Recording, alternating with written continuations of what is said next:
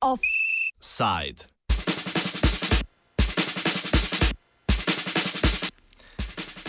V petek se je pred državnim zborom kampanji Petki za prihodnost pridružilo gibanje hashtag Save Hasan Cave oziroma njen predstavnik Erjan Ajboha. Ajboha je kurd, ki zadnja leta zaradi strahu pred političnim pregonom v Turčiji prebiva v Nemčiji. Na trgu republike je zbranim mladim pojasnjeval hidroenergetske projekte turške vlade, ki so sporni z ekološke pa tudi ekonomske in politične perspektive. Ajboha se sicer te dni mudi po Sloveniji v okviru predstavitve knjige Revolucija v Rožavi, ki je išla pri časopisu za kritiko znanosti in katere soavtor je naš današnji sogovorec.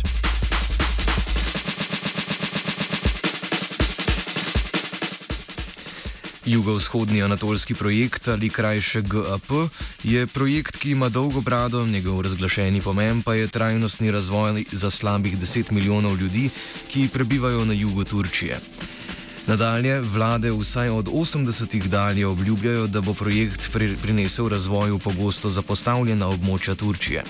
Reki Tigris in Eufrat igrata ključno vlogo pri doseganju grandioznih ciljev energetske preskrbe in potencialnega namakanja na tisoče kvadratnih kilometrov površin.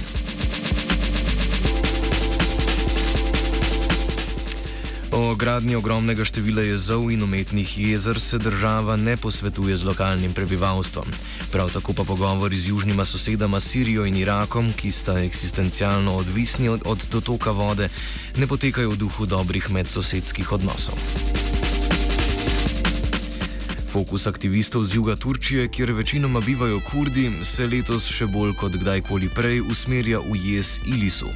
Ta je največji na reki Tigris in bo, ko bo končno začel delovati, poplavil ogromne površine ozemlja, vključno z domovi številnih tamkajšnjih prebivalcev. Država se nikoli ne posvetuje s prebivalstvom in starim spomeniškim mestom iz uvoda oddaje Hasan Cave, kot pravi Ajboha, umiranje up, up umira zadnji. Projekt je zaradi potencialnih posledic že pred desetletjem izgubil mednarodno financiranje in bil večkrat zamaknjen. In total, this Ilisu dam has been stopped five times. Twice the finance from Europe, mainly Austria, Switzerland, and Germany. And last time it was 2009. It was a big campaign. We succeeded in it. And um, then, how do you say? Um, Then we stopped it a, with a legal case, and once there was a worker strikes, one the Kurdish guerrilla of PKK, Kurdistan Workers Party, stopped it.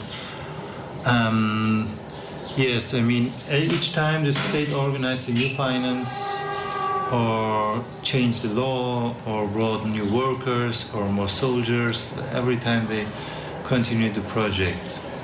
And yes, it's it's a, it's a long struggle. The last after 2009, it became a little more calm, but we continued the struggle. From time to time, we had good moments. Um, but now we are in a critical moment because actually it was announced to start with the filling of the dam on June 10. And uh, I think today it has not happened. They postponed again because of three years. They say we will start very soon. But one day they will start, it seems like. Ajboha upa, da se v Turčiji lahko ponovi primer avstrijske jedrske elektrarne Cventendorf, ki je bila zgrajena leta 1978 in ni nikoli sploh začela delovati zaradi večinske volje voljivcev na referendumu. Posledice delovanja hidroelektrarne Ilisu bodo tako ekološke kot tudi socialne. The dam was rejected because it's a would uh, take the livelihoods of 80,000 people, and most would end up in poverty. Second reason is Hasankeyf, the old town at the river, which is 12,000 years old. It's magnificent. There's a, it's an open air museum. You have traces of probably 20 cultures and 5,500 human made caves and so on, hundreds of monuments. Third dimension is the ecological destruction it's the ecosystem is still mainly functioning in this valley. there are some dams, but not so huge, not very huge. It's still okay, and it's last maybe the last big wide river of Turkey and maybe Middle East. Področje Hasan Kejfa, po mnenju Ajboha, zadostuje večini kriterijev za spomeniško varstvo pod UNESCO, a bi ga zato morala nominirati država. Gradnja jezu je zgolj nadaljevanje vojne proti Kurdom z drugimi sredstvi. Oboroženi konflikt turške vojske z delovsko stranko Kurdistana, bolje znana pod kratico PKK, oziroma PKK, se je ponovno zaostril leta 2015, ko je vlada Rečepa Tajipa Erdoana ugotovila, da jim mirovni proces politično več ne odgovarja. This area is Kurdish, motivates the government additionally to build this dam. They uh, one economic income, but the strategic aspects are more dominant, like to have it as a tool against Iraq. and then to also pressure the Kurds in own state territory, like displace and assimilate or use it as a barrier for the guerrilla. Yes, these are also motivations to build this dam. So, and uh, in doing, in constructing the dams, they are more harsh than in Turkish regions, and um, they are more repressive in doing this. Povezava med Kurdi na jugu Turčije in severu Sirije, oziroma če uporabimo kurdski slovar med severnim in zahodnim Kurdistanom, je močno okrnjena od začetka vojne v Siriji. Kot pojasni Ajboha, pa je vez še vedno zelo močna, ne na zadnje je veliko družin razdvojenih z mejo, pa tudi politična misel presega ovire. The political concept which the Kurds, uh, the main faction of the Kurds in uh, Syria, uh, is implementing comes from PKK. I mean, from the concept comes from Öcalan, who's in prison for 20 years, and the Kurds in Syria, the majority accepts him as a leader, or, and his ideas especially that follow this concept. Um, they are on this line of, of uh, this politi- same political line. So uh, this is the concept is called just democratic confederalism with the three pillars: uh, radical democracy, gender liberation, and ecology. Severni Irak ali če hočete Južni Kurdistan je leta 2017 sicer izvedel referendum o neodvisnosti, ki pa ni nikoli zares imel možnosti za uspeh. Območje, ki ga nadzoruje družina Barzani, se krepko razlikuje od sirskih in turških kurdskih območij, kjer so bolj prisotne progresivnejše ideje zaprtega Abdullaha Öcalana. All Kurdish organizations, which have been founded in the 1670s, they fought for independence, uh, independent state. I mean, especially in North Kurdistan. Iraqi Kurdistan and Iranian Kurdistan, less not in Rojava, interesting, because it's a small territory and it's enclaves. And there are no almost no mountains. And uh, but however, the discussion was to create a kind of nation state, more democratic than the others, but still a nation state, and uh, with the protection of all this hierarchy. Anyway, so. Um, um, so the PKK is leading, let's say, the leftist wing of the liberation struggles in Kurdistan.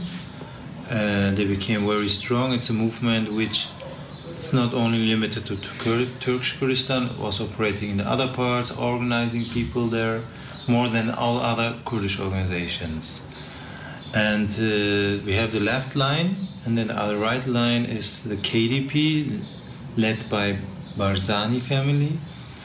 And KDP is the biggest party in South Kurdistan. And they're conservative, authoritarian, feudal, now also very neoliberal, such an organization. Um, they are more the right wing. And uh, the two in the last 20, 30 years dominated the most or affected the most other groups and organizations, not all. So the others, they, there's a tendency of the other organizations to, to either to cooperate with one or the other one. Um, There are also some organizations which are more different anyway. Um, but um, PKK and the Kurd, let's say more the Kurdish freedom movement, the left one, we say Kurdish freedom movement, in uh, North Kurdistan, Rojava has a discourse not to have an own state and refuse a nation state in general. And uh, this democratic confederalism is an expression of also of the approach to say the freedom of Kurds is connected to democracy in the four states. We, there must be changed uh, basic things. It's, at least we need a kind of liberal democracy before we can speak about uh, liberty, freedom. Knjiga Revolucija v Rožavi opisuje nov sistem vladanja, ki se je vzpostavil na severu in severovzhodu Sirije od začetka vojne dalje. Umik vladnih sil in zavetje vele sil, ki ga Kurdom nudijo ZDA in Rusija, je omogočilo vzpostavitev unikatnega sistema, ki temelji na načelih svobode mišljenja in veroizpovedi, spolne enakopravnosti in antikapitalizma. Zakaj torej ni bilo razlastitve posestnikov in zasebnih lastnikov? There's this concept of let's say, uh, to have a communal and democratic economy. Um, it says it actually analyzes, of course, capitalism and also this socialism which we had in East Europe, especially promoted by the Soviet Union. And the decision was clear: neither of them, and not a, of course, no capitalism the system has brought us to the to this point, and also this uh, socialism. Actually, it's for us kind of state capitalism. What there was.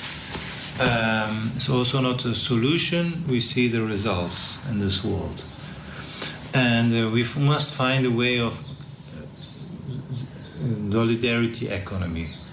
So in the beginning, there were the basic ideas, but there were no really strong concepts or detailed issues.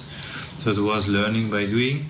So in the beginning, the let's say the uh, structures companies owned by the state were of course confiscated and taken by the revolutionary structures.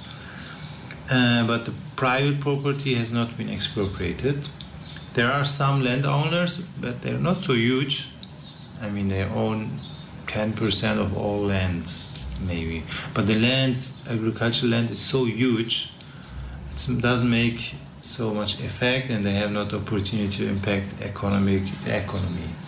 And even some of them, a few of them, some, are uh, have been included to this uh, so-called cantonal uh, democratic self-administration. You have heard it?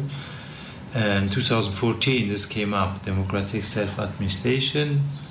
Uh, it is a second step of the revolution where uh, more groups and parties have been included and uh, in the political process to take the decision. Not only more the movement for democratic society, tell them. So it was the next step. Ekonomski razvoj je še v povojih, na ravni splošne demokratizacije družbe pa ne gre oporekati aktualnim dosežkom družbe, ki temelji na zadrugah in neposrednji demokraciji, še posebej pa vključitvi žensk. Dolgoročni uspeh revolucije v povojni Siriji je še vprašljiv. Za avtonomijo bo potrebna podpora vele sil, kar pa bo nedvomno šlo v nos močni sosedi Turčiji. ZDA imajo pač lasten interes in avtonomija za kurde nedvomno ni visoko na lestvici prioritet predsednika Donalda Trumpa. Offside je pripravil Antun. Možgane ti opere detergent, se kliče radio študent.